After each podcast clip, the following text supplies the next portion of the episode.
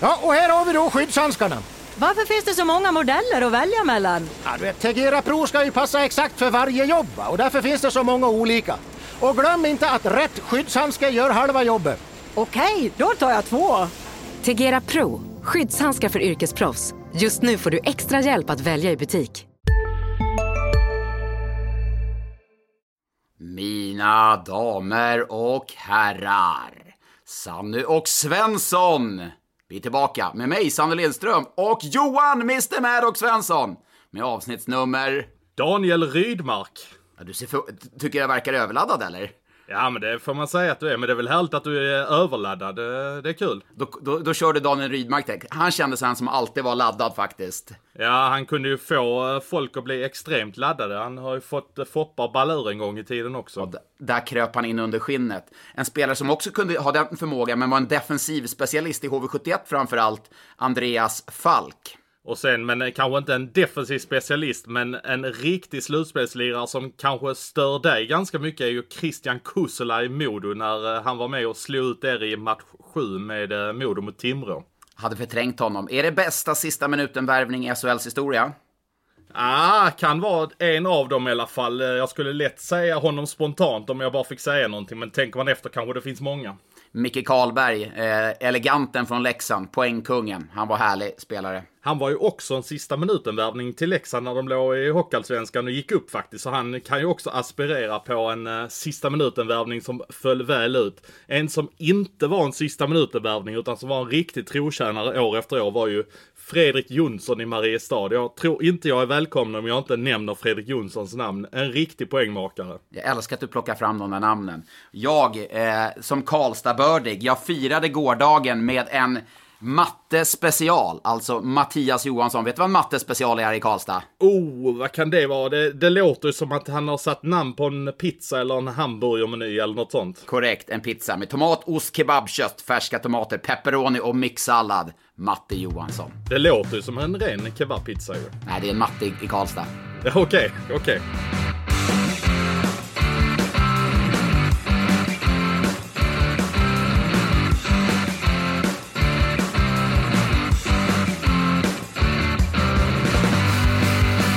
Börjar, man har en tendens när man kör den här podden att man börjar i botten, men nu ska vi börja i toppen och kanske ett lag som vi inte har pratat så mycket om. Serieledande Luleå eh, tuggar på. Visserligen förlust mot Oskarshamn i eh, torsdags. Vann borta i CHL mot Frölunda och vann också mot Djurgården i lördags. Det är ett maskineri som puttrar på där uppe i eh, norr. Ja, det får man verkligen säga. De på något märkligt sätt så har de varit i toppen hela säsongen utan att någon har pratat om dem särskilt mycket. Och nu har de ju tagit täten i den här CHL-semifinalen även mot Frölunda. Så att eh, ja, de har ju verkligen någonting. Jag tycker de liknar väldigt mycket det här HV-laget som eh, vann SM-guld 2017. Som, eh, som har en, en bredd i hela laget. Det kvittar vad de slänger in så blir de jobbiga att möta. Ja, HV, bra, eh, bra spets, bra bredd när de vann 2017 och inget powerplay. Det sammanfattar väl Luleå rätt bra. ja men exakt, jag såg att de, de har väl, eh, har de kanske rent av SHLs sämsta powerplay men bästa boxplay va? Ja, de har jättebra boxplay, men det finns ju utvecklingspotential i powerplay. Men jag skulle säga så här, CHL-matchen imorgon mot Frölunda. Eh, man har eh, ledning med 3-2 då inför returen, avgörande matchen. Jag ska säga att den matchen är kolossalt viktig för Luleå i ett slutspel. Eller för ett kommande slutspel. Ja, för då antar jag att du tänker så här att Frölunda kan vara någonting som de eh, stöter på senare i eh, slutspelet. Och Frölunda har slagit ut Luleå när de har varit långt framme i de senaste slutspelen. Det var väl ett par, tre, fyra, fem år sedan de blev utslagna där. Och sen så var det förra säsongen också. Så att eh, Frölunda har ju blivit liten jätte där för, för Luleå i slutspelssammanhang. Ja, och då tror jag det, rent mentalt tror jag för Luleåspelarna, att det är ju, jag menar, Säga vad man vill om eh, CHL. Det här är de två klubbarna i Sverige, skulle jag vilja säga, som överlägset satsar mest på den här turneringen.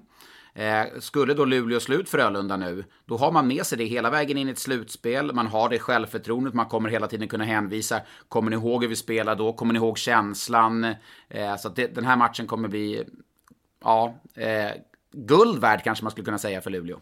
Ja men exakt, eh, det, tror jag verkligen är viktigt att de eh, får lov att visa att de kan, eh, att de kan slå Frölunda i ett slutspel. Även om det bara är då två matcher. Det är extremt viktigt att de känner att de får sluta när det är avgörande matcher, inte bara en seriematch. Men ja, det blir ett intressant läge för Luleå här nu när de, när de kommer in och har ledningen. De, de behöver inte gasa på sin hemmaplan som man kanske ändå är van vid att Luleå gör i första perioden. Utan de ska ju nästan från start slå vakt om någonting. Så det blir en jätteintressant match. Och, ja, det är roligt att vi pratar så om en CHL-match måste jag säga. CHL-feber. Hashtag BSTL, vad tror du om det?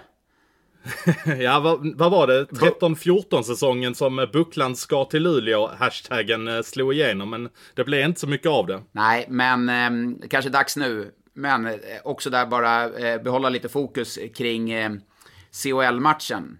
Frölunda har ju egentligen ett drömläge med tanke på Frölunda, det, final, det läget man hade efter match 1 mot Färjestad.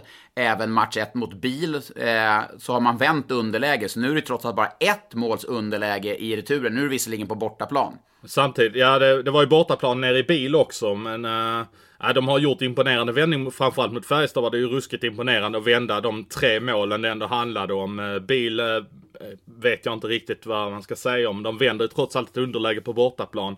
Så de vet ju att de kan göra det ett mål så kan de få Luleå lite skakiga. Så att, äh, jätteviktig match för båda lagen. Jag skulle säga att det är viktigt för Frölunda också. Svacka, för, ja, Frölunda är en svacka nu, det kan, man, det kan man konstatera. Ja, verkligen. Och det liknar lite grann det som äh, var i fjol när de, äh, de var inte alls bra i januari. Utan den stora vändningen kom ju faktiskt just i CHL-finalen förra året.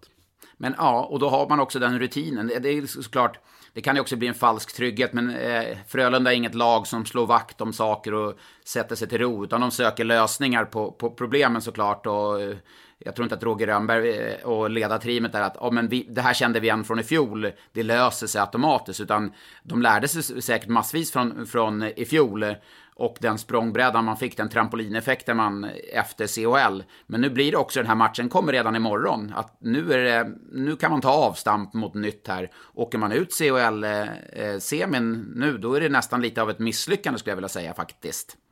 Ja, ja, men definitivt. Frölunda går ju in. De, då har de ju gjort någonting sämre jämfört med förra säsongen om de åker ut redan i semifinalen av eh, CHL. Så att eh, då har de ju bara SM-guld att slåss om, vilket kanske inte är så bara egentligen. Men ja, Frölunda vill ju vinna allting de ställer upp i och eh, de har ett lag för det också. Så att det är eh, jätteviktigt för båda lagen. Men det är, rätt, det är rätt skönt när man säger så om Frölunda. Då kan han bara vinna SM-guld.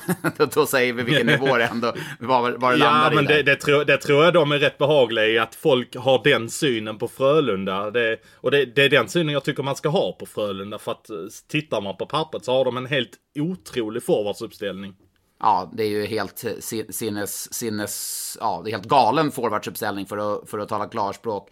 Och när man ändå pratar om galen forwardsuppställning, då kan man gå vidare på, på Färjestad som eh, som har ett rätt tungt artilleri med offensiv kraft. Men du, är lite, du har tittat in i spåkulan där Svensson. Vad, vad händer här framledes? Ja, men det är väl nästan lite omöjligt att säga vad det är som kommer hända i Färjestad. För de har ju en jäkla massa kontrakt som äh, går ut och äh, det är väl lite osäker status på andra spelare också som är, kanske är lite för bra för att spela i SHL. Och, äh, Ja, nu, ja, det är en, nu signade ju Rydahl här. Han var ju en spelare man trodde skulle försvinna, men nu har ju hans eh, förlängt kontrakt. Vad var, vad var grejen med det? Han, förlängd, han hade två år kvar, men förlängde till mm. treårskontrakt. Och då tänker jag att då, då kryddar man lönen lite.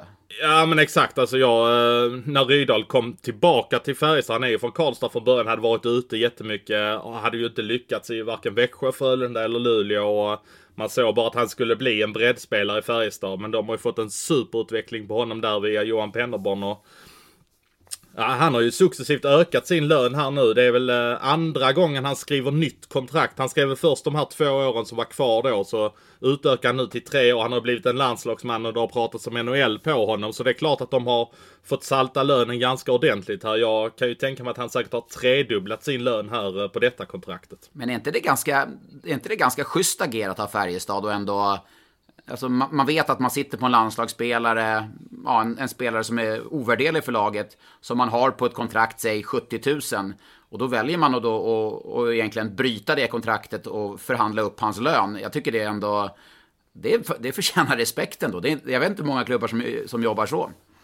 Nej, men jag kan väl säga så här att eh, Rögle gjorde väl det lite grann med till exempel Leon Bristedt eh, när han, eh, när han slog igenom på det sättet i, i Rögle. Att man, man skrev om det kontraktet rätt tidigt. Det var ett jättebilligt kontrakt när han kom tillbaka från Nordamerika. Och det är väl, jag tycker det är smart agerat för att det, det får ju spelarna att dels tjäna bättre givetvis, men att känna sig alltså bekväma och uppskattade. Så att det, jag tycker det är ett jättesmart sätt att göra det. Kan man göra det så ska man göra det. Och Färjestad kan ju verkligen göra det. Och nu kan man ju kanske sätta lite press på honom att han ska han ska vara en av de ledande spelarna och det kan ju stå emot lite lockelse och skriva på ett NHL-kontrakt. Och, ja, man vet inte vad som händer men nu har han ju lovat att han inte ska spela NHL nästa säsong. Så att det, det är ju jättebra för Färjestad som inte har så många forwards till nästa säsong. Det var så man skulle ha förhandlat. Man skulle ha gått upp när man spelade i Timrå eller Färjestad. Så skulle man gått upp till klubbledningen och sagt att jag kan, eh, om ni bryter det här avtalet som jag har nu så signar jag ett nytt. Men jag lovar att inte dra till NHL då, skulle jag sagt. ja. Stick härifrån. Ja, det var, ju synd, det var ju synd att du redan hade kommit hem med svansen mellan benen då. Ja, det kanske var det då. Ja, men det har ju varit en lite snackis när vi skickar ut frågan. Simon, Joakim Hederstedt och Sebastian har frågat just om det här med, med Rydal och stanna. Eh, tror du, om en, säger vi, lek med tanken, vi bara tar Calgary, eh, kommer och ger han ett eh, kontrakt och säger vi garanterar att du kommer få spela, vi har den här och den här rollen, vi garanterar att du får spela i tredje kedjan hos oss nästa år. Sta nej, jag, nej jag, jag ska vara kvar. det är ju en hypotetisk fråga såklart, men det är klart han drar då. Ja, ja alltså...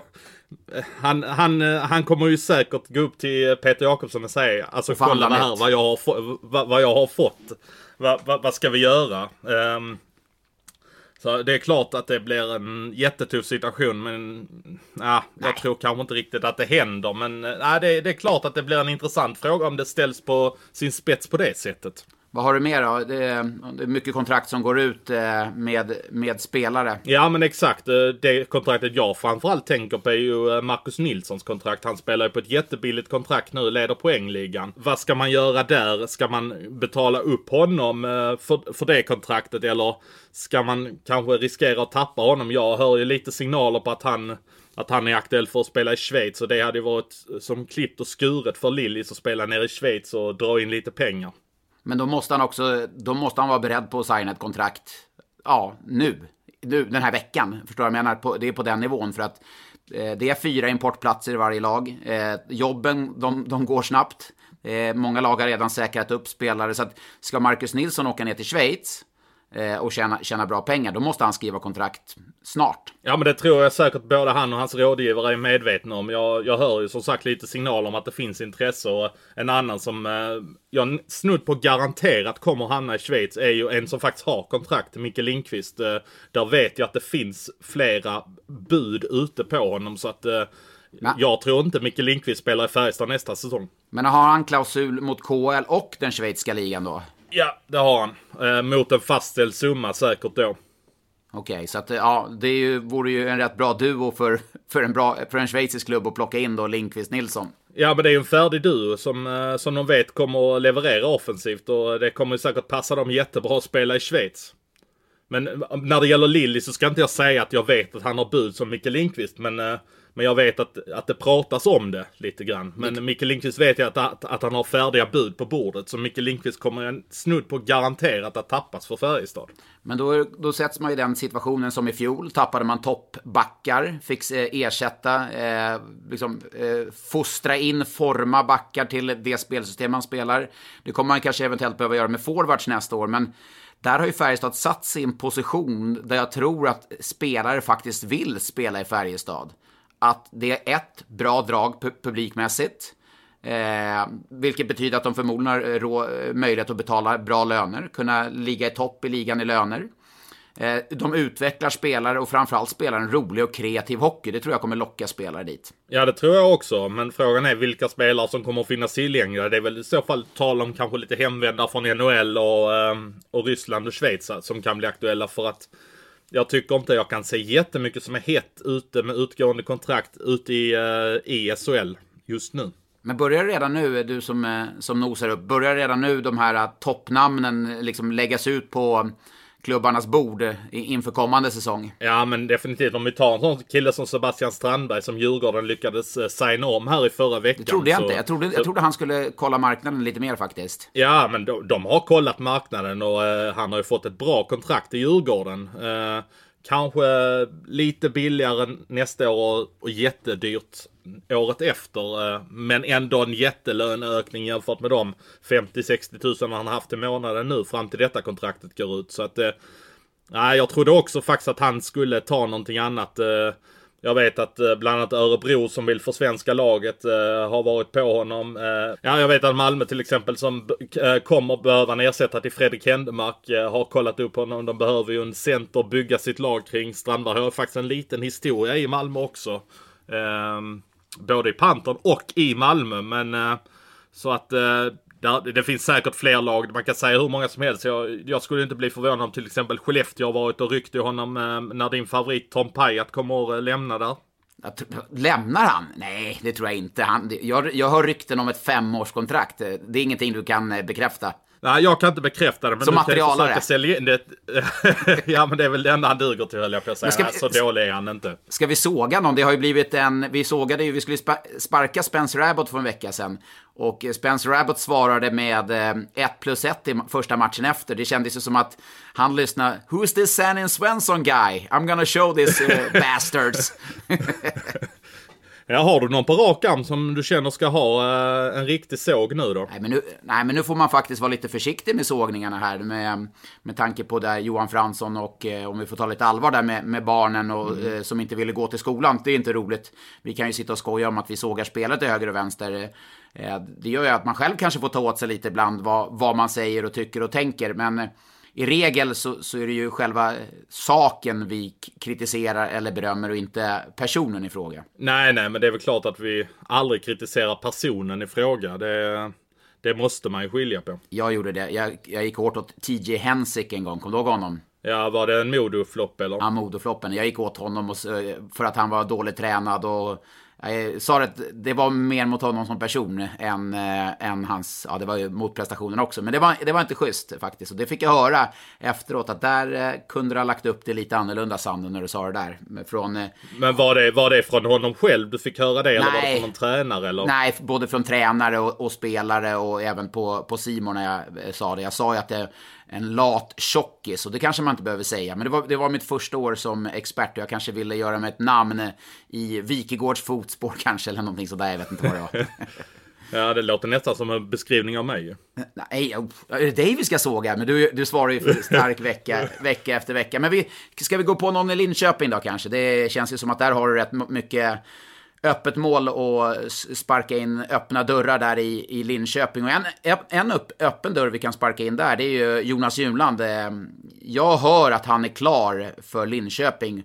Och då redan den här säsongen. Har du hört något liknande? Ja, det jag har hört. Eh, jag har ju faktiskt inte fått bekräftat på samma sätt som eh, du har fått via uppenbarligen en kanonkälla. Men jag har ju fått höra att han ska vara klar från och med nästa säsong på ett långtidskontrakt och att han ska tjäna 230 000 kronor i månaden på, eh, på det långtidskontraktet. Så att att han, ska, att han ska vara klar redan nu, det låter ju rimligt eh, så länge skattesystemet tillåter det. Och här vet jag att du, eh, du gillar att kolla upp vad det är som gäller här.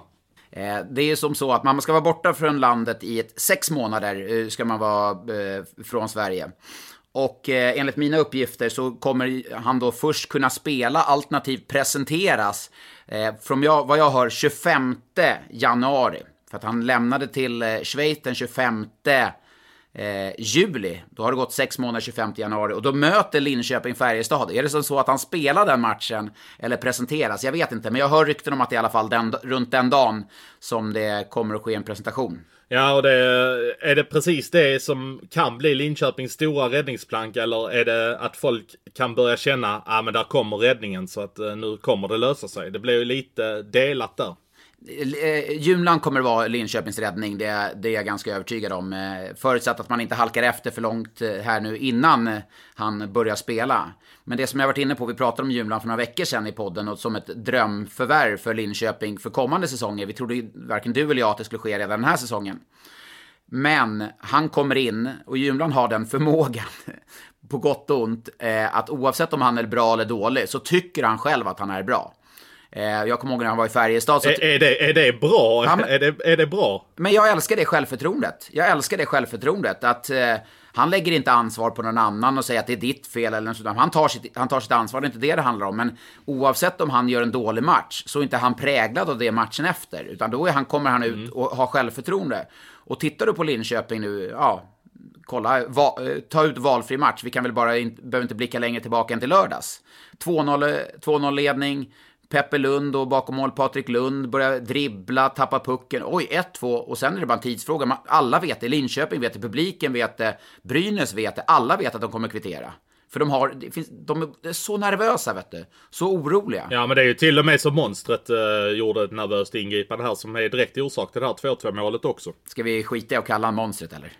Ja det kan vi väl göra om du inte tycker Nej, men- att vi ska göra det. Men monstret var ju när han var monsterbra. Jag, jag, han, har han har en jättefin karriär, men vi kan väl, vi kan väl lämna, vi kan väl, säga, vi kan väl säga Gustafsson nu istället. Vi, vi håller oss där. Ja okej, vi går in i 2020. Han är inget monster längre. Han är Jonas Gustafsson. Ja, och det, det är inte fy skam med Jonas Gustafsson, men eh, då kommer Julan komma in med ett stort lugn, ett stor, en stor självklarhet. Han kommer liksom packa upp den där trunken i omklädningsrummet, han kommer byta musik, han kommer, han kommer ta över. Och då säger, jag säger inte det med negativ ton, utan säger det i det här positiv. Och därför tror jag att det kan bli eh, räddningsplankan. Men du var väl redan ute i lördags och svingade rejält, eh, fick en pushnotis där.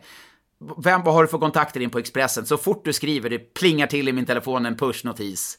Ja men du hade väl någon också här i helgen där det plingade till lite. Så att, eh, det, men du, du kanske inte svingar lika vilt. Men Nej. så vilt svingar jag faktiskt inte. Jag, jag bara kände så här att hur, hur lång tid ska det ta innan Bert verkligen, alltså när kommer man till en, till en ände där, eh, där, det, där det, lo- loppet är kört för Bert Robertsson? Alltså jag menar, vilken annan tränare som helst hade ju varit ifrågasatt för det här laget. Ja, så är det. Och det. Det roliga med det här, eller roliga, när, när Växjö gick som sämst där, då satt de, ja, undrar om Sam, det är dags för Sam att lämna efter åtta år. Liksom, då satt man och pratade. Men hallå, det är Sam Hallam. liksom, lugna ner er. Men det är ingen, ja, det är ju få, väldigt få som har ens diskuterat namnet, eller Berts vara eller inte vara. Det var väl du här också, kanske det har lyfts lite mer, men det är förvånansvärt få som har ens lyft den frågan.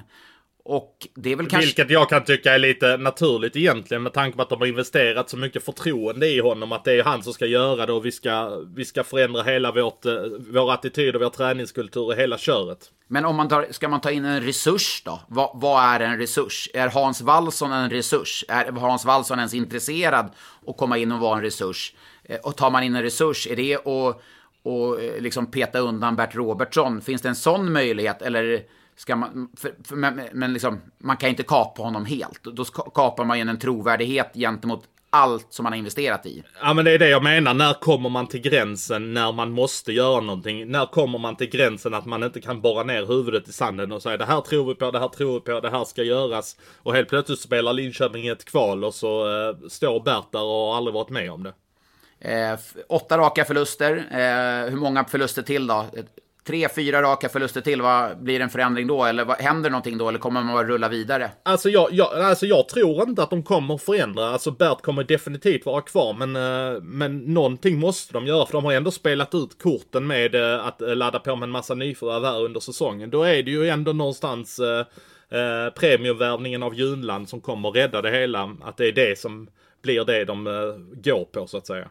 Då, då kör vi då. Frälsan ansluter 25 januari. Det är eh, Junlan räddar Bert. Ja, eh, vilka rubriker ni vill. Ja men du, jag gillar verkligen att du slår fast det här nu. Du, du, du är som en riktig nyhetsjägare här nu. Att nu slår du verkligen fast att han, eh, att han kommer den 25. Ja det är bra. Det är bra. Ja, det är underbart. Men du, eh, vi spelade in ett avsnitt eh, förra veckan. Då eh, ryktades det om att eh, Magnus Sundqvist skulle få sparken i Brynäs. Eh, vi hade väl, eh, ja, du framförallt hade väl på fötterna att han skulle få det. Men det är svårt att gå ut och slå fast det helt och hållet innan han faktiskt har fått sparken. Men bara en timme eller två efter vårt avsnitt hade släppts där i måndags så fick han ju också sparken. Ehm, det var väl kanske ingen överraskning i sig, men imponerande vecka av Brynäs resultatmässigt. Ja, de eh, gick ju ut och slog Rögle här. Eh, Rögle menar på att de gjorde en svag insats där som de helst vill glömma. Men trots allt, de kommer ut och eh, slår ett bra lag som har gått väldigt bra på sista tiden. De hade väl en fyra raka segrar innan det i Rögle. Och sen så går de då, åker de ner till Linköping och vänder den matchen. Och vänder 0-2 till seger 3-2 efter sadden. Så det är ju resultatmässigt har de ju fått precis det de ville ha. Och de bästa spelarna har varit bäst. Jag, jag tänker på Greg Scott, jättebra. Anton Rudin, Niklas Danielsson också, hela den kedjan. Sigalet. Sigalet. Ja, och eh, jag tycker Ersson har varit bra båda matcherna här för, för dem också, spelat jättebra. Så det är också de, ja, om man säger de ledande spelarna, de bästa som också var med någonstans och puttade Magnus Sundqvist över bord. De har ju faktiskt levererat här. Tycker, för mig skickar det jäkligt bra signaler. Och vi hade ju, bara för en vecka sedan satt ju vi här och räknade ut, då var det 10 poäng upp till Växjö. Nu en vecka senare 5 poäng. Och du, eh, du var ju kritisk att de kanske skulle revidera målsättningen om kvartsfinal. Ja, nej men det, visst, visst är det så. Men det visar ju också att eh, att det förklarar ju varför man i det här uh, yrket är lite kappvändare också. Att uh, det kan svänga så oerhört fort. Men uh, samtidigt Växjö har haft en dålig vecka, Brynäs har haft en bra vecka och då går det ju väldigt fort. Men det kan ju vara precis tvärtom om en vecka. Om Växjö har en lite bättre vecka nu i veckan som kommer. Så att det... Ja, alltså det, jag, jag tror ju fortfarande... Du var ju inne på att nej, de ska undvika kvalspel och det, det, det, det sa jag redan då att det, det, tror jag inte är någon risk. Men äh, jag tror fortfarande inte att de eh, klarar topp 10. Jag tror inte de äh, rår på Växjö faktiskt. Men när vi ändå eh, kommer in på Växjö där. Du var ju där i lördags. Eh, var Malmö bra? Växjö trubbiga? Vad, vad var bilden av matchen? Och framförallt om vi fokuserar lite på Växjö där. Ja, Växjö var eh, trubbiga. Det, var, det skulle jag säga. Eh, men alltså, Malmö när de bestämmer sig för att de ska spela den här defensiva hockeyn, då, alltså, då är de svåra att nå. Då är det ju egentligen bara en typ lag som Färjestad och Luleå som, eh, som kan, eh, och kanske Frölunda också, som kan. Eh, Får de hål på dem tidigt så, så faller de igenom rätt så ordentligt. Men får man inte hål på Malmö så tidigt så, så är de otroligt jobbiga att möta och tråkiga att möta kan jag tänka mig också. Det är väl precis dit de vill också. Eh, Växjö har inte löst koden på eh, tre matcher mot Malmö på hela säsongen. Så att jag är inte förvånad att det blev så denna gången eh, också. Men eh, jag, jag, tycker inte Växjö har den edgen och eh, de har inte den powern. Rickard Ynge ser ju inte ut att vara skadefri. Helt. Men det måste ju vara en mardröm när man, eh, Sam Hallam och, och spelarna läser i tidningen.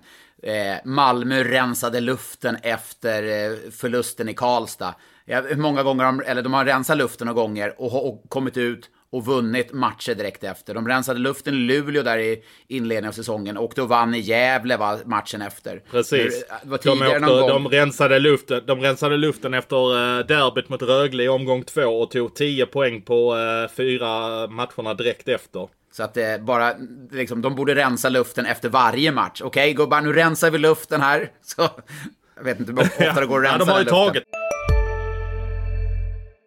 Hej, Synoptik här. Visste du att solens UV-strålar kan vara skadliga och åldra dina ögon i förtid? Kom in till oss så hjälper vi dig att hitta rätt solglasögon som skyddar dina ögon. Välkommen till Synoptik. På Sveriges största jackpot-kasino går hypermiljonen på högvarv. Från Malmö i söder till Kiruna i norr har hypermiljonen genererat över 130 miljoner exklusivt till våra spelare. Välkommen in till Sveriges största jackpot-kasino, hyper.com. 18 plus, regler och villkor gäller. Det är i alla fall en, en 3-4 omtag här under säsongen och faktiskt fått den effekten. Och sen så faller de tillbaka lite gamla synder och eh, tror att de är lite bättre vad de är. Och så eh, blir, det, blir det fall bakåt där. Så att, eh, ja, det är ett märkligt beteende måste jag säga. Men matchens höjdpunkt, eh, ja, jag vet inte hur ska man kalla det höjdpunkt, men snackis i alla fall får vi säga, det var ju båskaoset. Bildbyrån avslöjade. Simor, vi, vi hade sådär bilder, för det var ju långt utanför spelet, så det var liksom ingen kamera som fångade upp vad, hur det startade. Men det gjorde ju Bildbyrån och nu också din blogg, där det var ju bra bilder alltså för att, för att bevisa vad, vad som hände. Ja, Jonas Ljungdahl där på Bildbyrån som har fotat Växjö Lakers här i eh, alla år som de har spelat i SHL för Bildbyrån. Alltså en briljant fotograf måste jag säga, och det hade jag sagt redan innan han knäppte av den här bildserien. Alltså, eh, han, där är, han speglar ju verkligen hur det ser ut där och, eh, och spelarna bekräftar ju också att eh, hur det var att Martin Lundberg kom in som tredje gubbe när Viktor Fast och Nikolaj Meyer har sin dust där. Meyer gör ju fel från start som hoppar in i fel bås men Viktor Fast humör är ju, är, är ju som det är. och, sen, och sen så blir ju Meyer såklart tjurig på Fast och ska gå emot honom och då kommer Martin Lundberg och när, när det sker då är det ju kört. Ja, och då är de på varandra. Det, det roligaste i det här, det var ju Emil Sylvegårds tweet efter, efter eller under matchen. Det, tyckte, det var nästan höjdpunkten. Varför ja, händer det? Varför händer det här när jag inte är med? ja, det är ju andra gången det händer. Han var ju avstängd i Karlstad förra året. Han satt faktiskt precis bredvid mig på pressläktaren i eh, Karlstad när det hände nu i, eh, för ett år sedan. Och Ja, du, alltså som det pumpar på honom alltså. Oh, hade jag varit där nere, hade jag varit där nere då jävlar, fy fan. Ja, då skulle... ah, han var ju helt galen alltså, han stod och studsade. Då skulle han ju rädda brorsan för ett år sedan i Karlstad. Nu hade han väl nästan nitat brorsan eftersom eh, Marcus spelar i, i, eh, i Växjö. ja, de hade inte lagt några fingrar emellan dem där. Alltså jag tror Mackan hade ju vevat sönder sig på eh, uh, brorsan. Uh, eh, hade, alltså jag, jag, jag, tror verkligen de hade kunnat gå mot varandra. De har haft sina duster uh, hemma i pojkrummet också säkert. Men om, om vi ska vara lite seriösa kring det här båspråket. Det är ju ingen som vill se att spelare slåss utanför rinken. Nu kan det hända, det, det är lite heta känslor. Det har ju varit en iskall innan match så att det blixtrar till från ingenstans det här. Men men vad ska påföljden vara? För det är, det är så att säga ingenting vi vill se egentligen. Nej, eh, jag är väl mer inne på att i så fall ska det väl vara en ekonomisk, eh, någon form av disciplinråd i SHL som ska kliva in i så fall och eh, bötfälla eh, klubbarna. Men ja, det jag reagerade på det här fallet, det var ju att det låg ju faktiskt spelare och brottades liksom bakom båsen som man liksom knappt såg. Det var väl, var det inte Ludvig Nilsson och Henrik Hett där som, som, liksom, som låg och brottade. Så var det ytterligare någon spelare som fyllde på där. Ja, Gynge var ju, Gynge var ju där bakom också. Uh, Hetta sa det efter matchen. De var två mot en där bakom och han var ju... Han undrar vad de höll på med liksom. Nej, och det är väl det. Alltså att, att de går på, mot varandra så och sen splittras. Men liksom, det, de låg och slog så brottades så. Det menar... Nej, där, där tyck, det tycker jag. Det, det kändes jäkligt onödigt i det fallet. Eh, sen att, att det blir känslor i, i en match, och det det, må, det så kan hända och då får man ju också dela ut matchstraff och utvisningar som man faktiskt gjorde. Men just det där man ligger och brottas och slåss då kan det också vara, någon kan ramla, trampa på någon. Det, det är sådana grejer som kan bli lite otäckt. Jag måste säga att jag tycker domarna löste det ändå rätt så bra att kvitta bort allting. Det som däremot är lite uppseendeväckande är ju faktiskt att Martin Lundberg kommer undan allting. När han är den som är tredje gubbe in i allting. Det, det tycker jag är lite småkul att han kommer undan det faktiskt. Så, det brukar, så där brukar det också göra. Men slog och så åkte man bort lite så, så stod man bakom och var lite oskyldig. ja, nej men jag, jag, tycker faktiskt att de löste det bra. Jag måste säga att vakterna löste det också förbannat bra. För när vakterna väl klev in då tog det slut ganska fort faktiskt. Så att eh, vakterna höll sig väldigt lugna och eh, gick in och bröt och gjorde ett bra jobb faktiskt. Ja, beröm till domare och eh, vakterna då, men det får vi väl eh, eh, ge i det fallet då. Ja, Johan, det är väl med en viss form av eh, tår nästan i mitt öga som eh, vi konstaterar att eh, Jimmy Eriksson lägger av. Eh, eh min roll här vid sidan eh, när jag har klivit in i Simor och Expressen så har jag älskat Jimmy Eriksson. I intervjusituationer, på isen, sättet han lägger ner sin själ i hockeyn och för att vinna framför allt. Jag har respekterat det enormt mycket. Jag gjorde inte det när jag spelade. Jag hatade att spela mot honom just av den här anledningen. Eh, men eh, han har varit en stor profil för SHL, så tråkigt att han slutar. Ja, jag håller verkligen med om att det är jättetråkigt att han slutar. Nu har han ju förvisso inte varit med här sen, eh, sen eh, den skadan han drog på sig här i eh, vintras mot Luleå på hemmaplan. Och man hade väl lite grann på känn att det här tyvärr kan vara det sista vi ser av Jim Eriksson på en hockeyplan. Jättetråkigt att han inte får sluta på sina egna premisser så att säga, men äh, det, det var nog färdigt nu för Jimmy och eh, jag kommer inte, jag kommer inte komma ihåg Jimmy Eriksson som en som slutade på grund av skador. jag kommer komma ihåg Jimmy som en riktig ledare. Eh, som var en av få spelare som har slagit sig in i ett lag med NHL-spelare. Eh, när det har varit OS. Eh, det var väl OS i eh, Sochi som han slog sig in 2014 och då var ju det finalen mot Kanada. Eh, då var ju då Niklas Bäckström också åkte fast för doping, det kaoset som skedde. Då fick Jimmy Eriksson, jag, jag tror till och med att han var på line-upen alltså i, i, finalen mot Kanada som center. Jag törs inte ta gift på det, men alltså han fick en ännu större roll såklart nu när eh, då dels Henrik Zetterberg blev skadad som center, Niklas Bäckström avstängd och då Jimmy. Nej, en en jättefin karriär på alla dess sätt. Ja, och dessutom skulle jag säga att Jim är ju nästan en symbol för mig eh, tillsammans kanske med Jocke Lindström för Skellefteå-dynastin på 10-talet. Definitivt, ja, herregud. Eh, och eh, med Oskar Möller där också som, som, på något sätt har, har drivit det där laget. Jag har en liten rolig grej där. Han har börjat spela innebandy nu Jimmy. Eh, och skulle då spela eh, match i, under mellandagarna. Och då eh, hade han inte tränat så mycket och frågade han då om han fick vara med och spela den här matchen. Eh, ja, absolut. Så ringde han då två timmar innan matchen. Eh, det här är från, jag har hört den här från David Ekström som jobbar på Norran. Så ringde han två timmar innan matchen och sa nej jag kan inte komma och spela. Ja, men, var, varför då? Det är ju, du har ju sagt att du ska spela.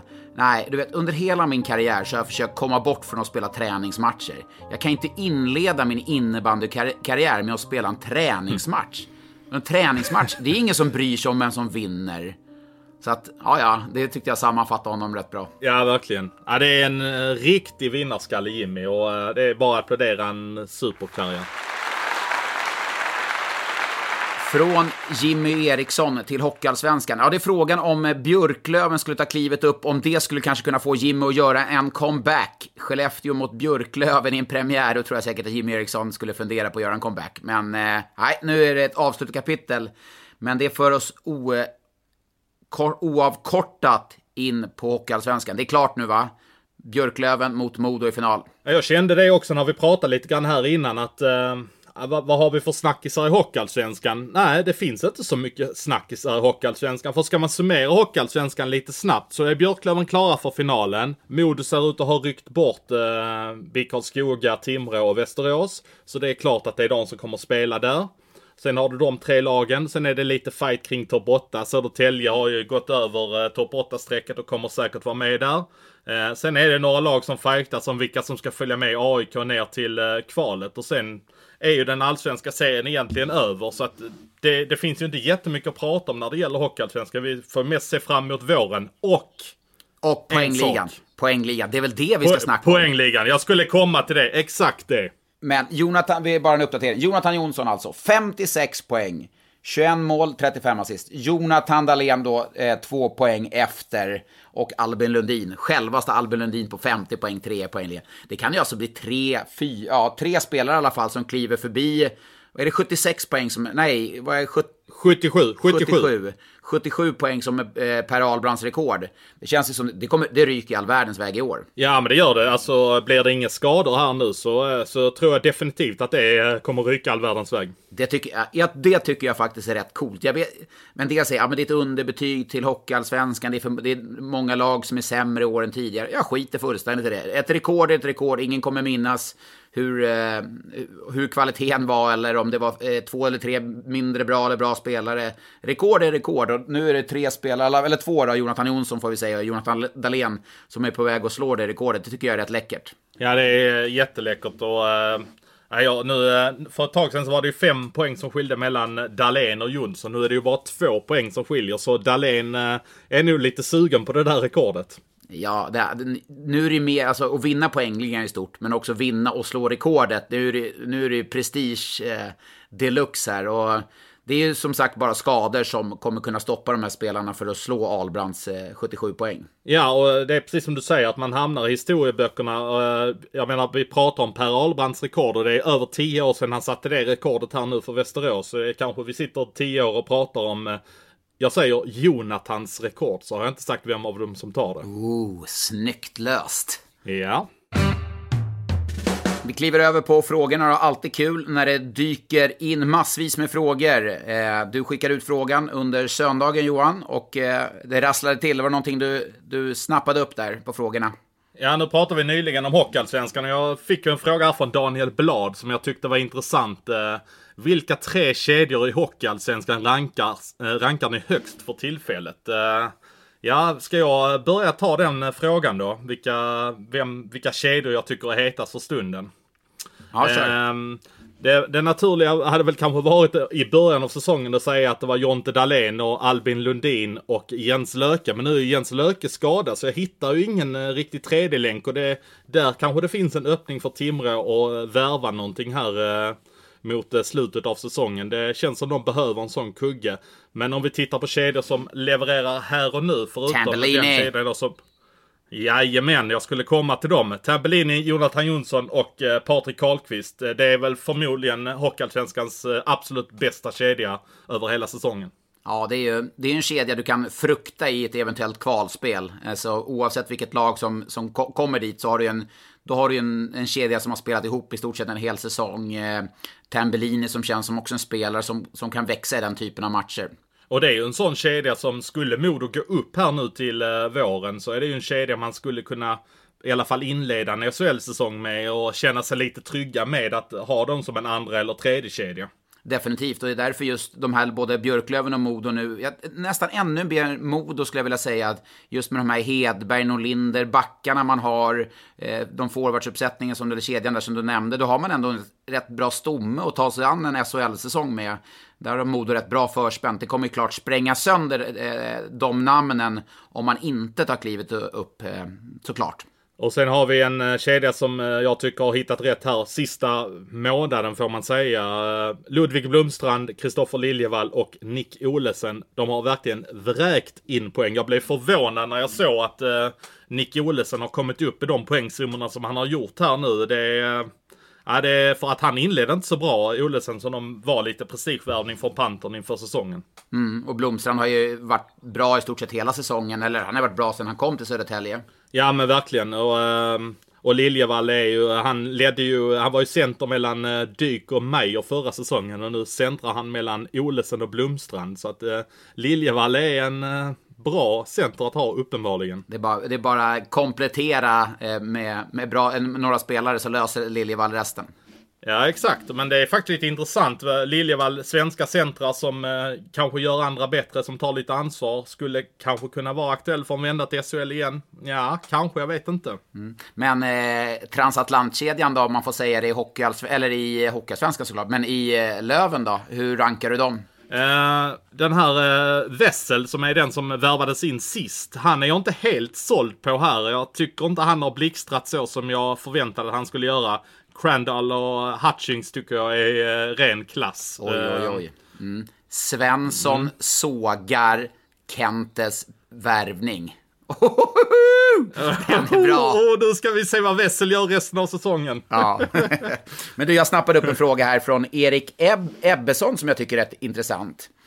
Den, eh, hur stor är risken slash chansen att Linus Johansson spelar i Rögle nästa säsong med tanke på bostad i Båstad? Alltså kaptenen i Färjestad, Linus Johansson. Det har ju ryktats lite om att eh, Rögle ska vara intresserad av honom. Eh, tror du det kan finnas någon sanning i det eller? Eh, ja men jag tittar så här, om man tittar på vad Rögle har för centrar så har de ju, Eh, de har ju Ted Brithén på kontrakt, de har Mattias Sjögren på kontrakt, de har Anton Bengtsson på kontrakt och så räknar vi väl eh, Taylor Mattsson som center också. Då, ehm, det ser ju rätt så bra ut. Det beror väl lite grann på vad händer med Ted Brithén, vad händer, kanske han ska, eh, vill sikta utomlands, jag vet inte, jag har inga belägg för det alls. Eh, vad händer med Mattias Sjögren, skadebenägen? Eh, Kommer han fortsätta spela hela kontraktslängden? Eh, Anton Bengtsson kommer ju bli kvar. Eh, Mattsson kommer bli kvar. Så att det, det beror väl kanske lite på vad Rögle hamnar i för läge. Där de, om de behöver eh, centrat i sitt lag. Det är klart att de är intresserade av en sån som Linus Johansson då. Jag tycker att det, jag tycker att det är rätt balt. Alltså Färjestad är topplagen på något sätt en maktfaktor. Hade du sagt för tio år sedan, eller fem år sedan för den eh, sakens skull, att eh, någon hade ställt en fråga, tror du Rögle kan sno Färjestads kapten? Så hade man ju sagt, Rögle, va?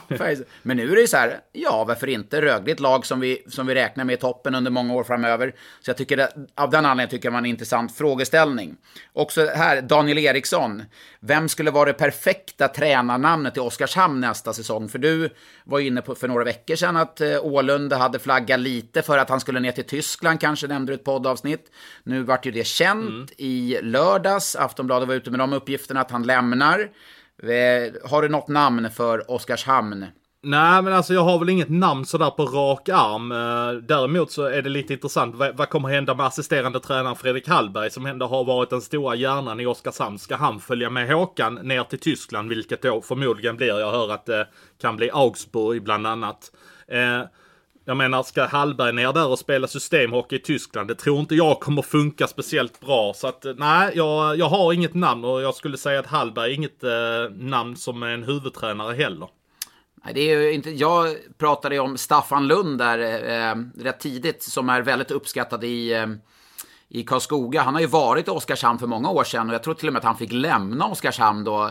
Nu har det ju runnit mycket vatten under broarna och Thomas Fröberg är general manager i eh, Oskarshamn och han har ju också varit sportchef och han var den som tog Staffan Lund till Karlskoga. Så att eh, det skulle kunna vara en intressant lösning. För vem jag än pratar med så hör jag väldigt gott om Staffan Lund.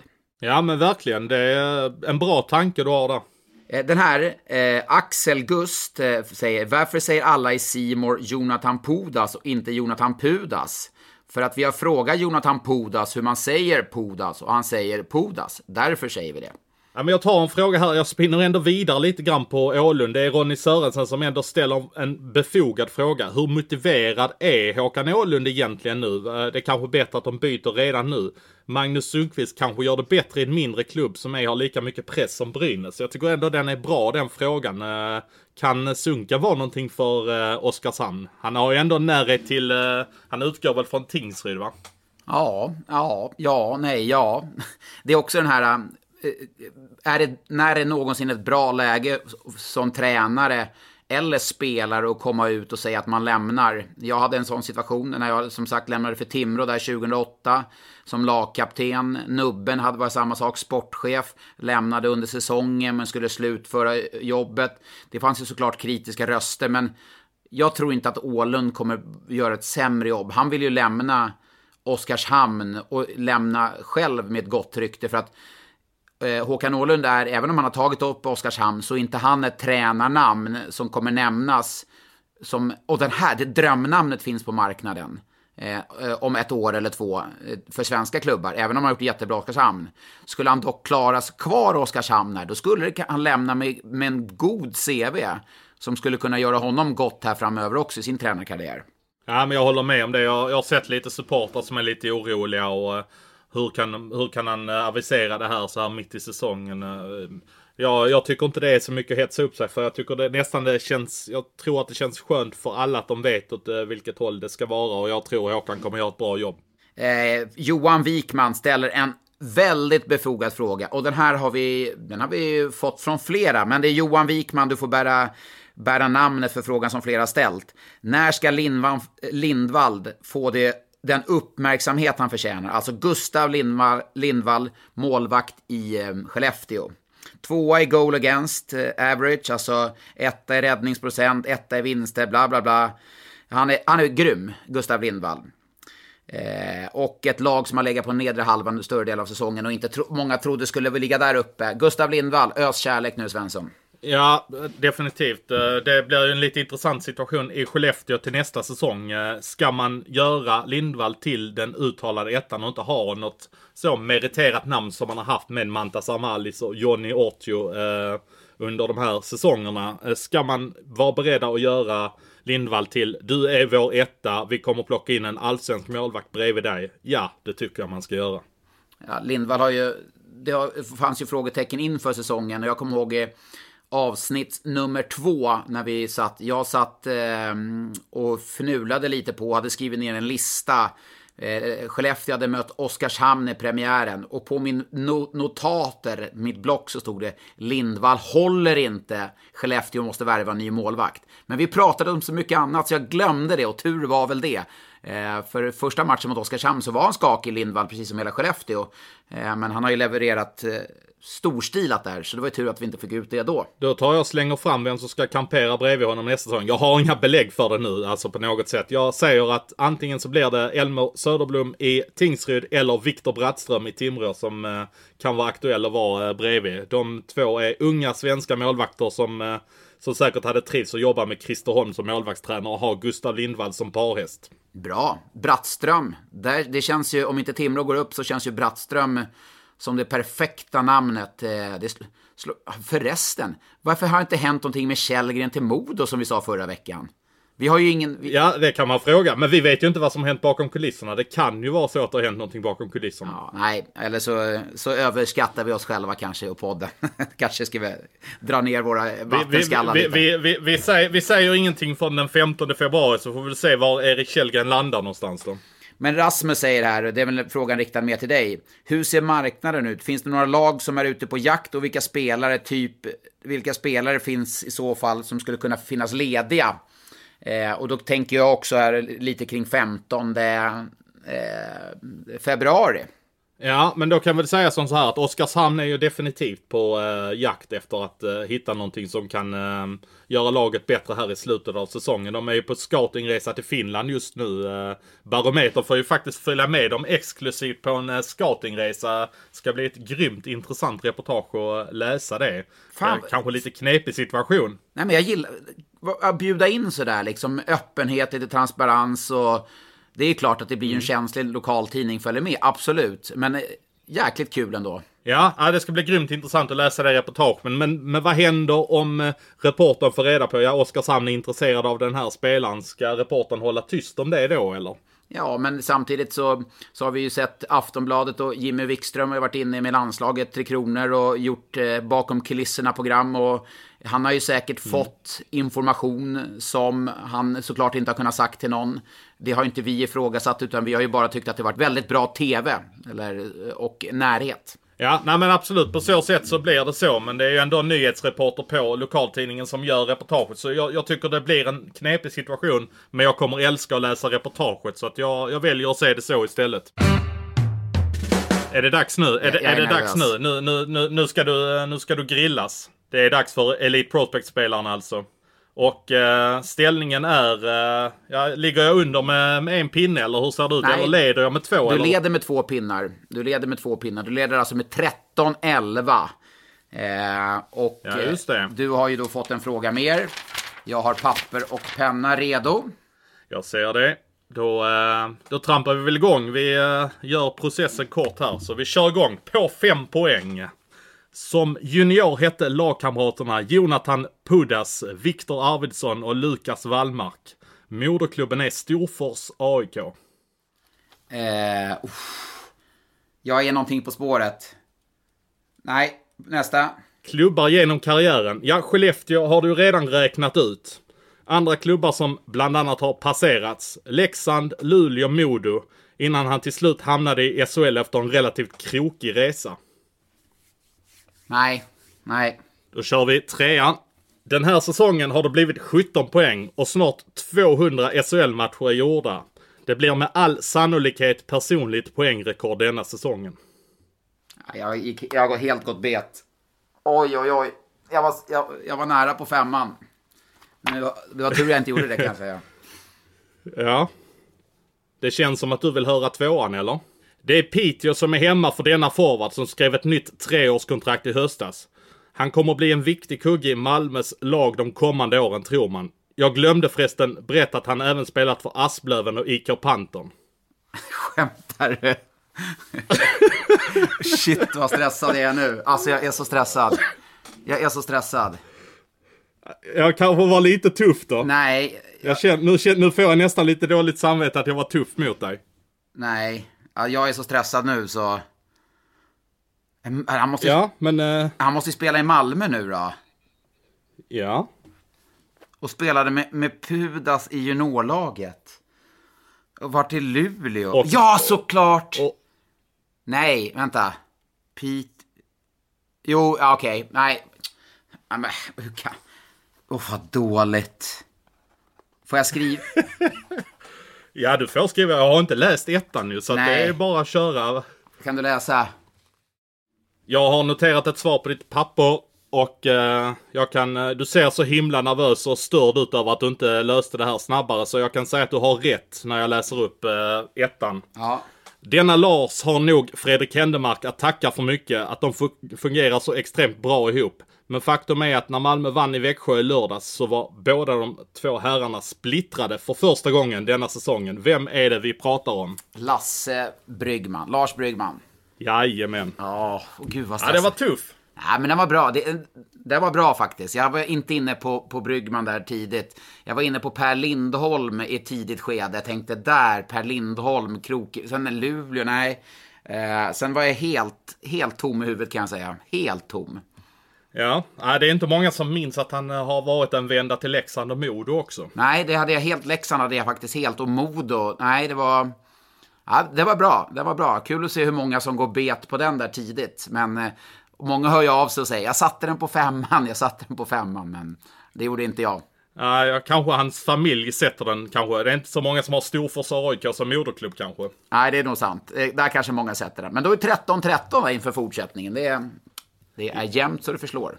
Oj, oj, oj, oj, oj. Det kommer bli en tuff resa här mot middagen och eh, hotellet på eh, Clarion Sign i eh, maj.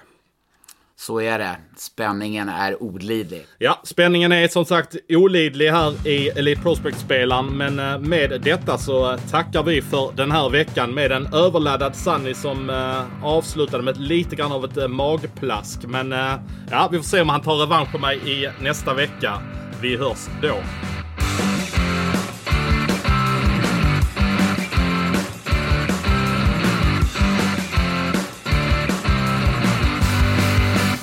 Du har lyssnat på en podcast från Expressen. Ansvarig utgivare är Klas Granström. Upptäck hyllade XPeng G9 och P7 hos Bilia. Våra produktspecialister hjälper dig att hitta rätt modell för just dig. Boka din provkörning på bilia.se xpeng redan idag. Välkommen till Bilia, din specialist på XPeng. Just nu pågår vår stora season sale med fantastiska priser på möbler och inredning. Passa på att fynda till hemmets alla rum, inne som ute, senast den 6 maj. Gör dig redo för sommar. Välkommen till Mio.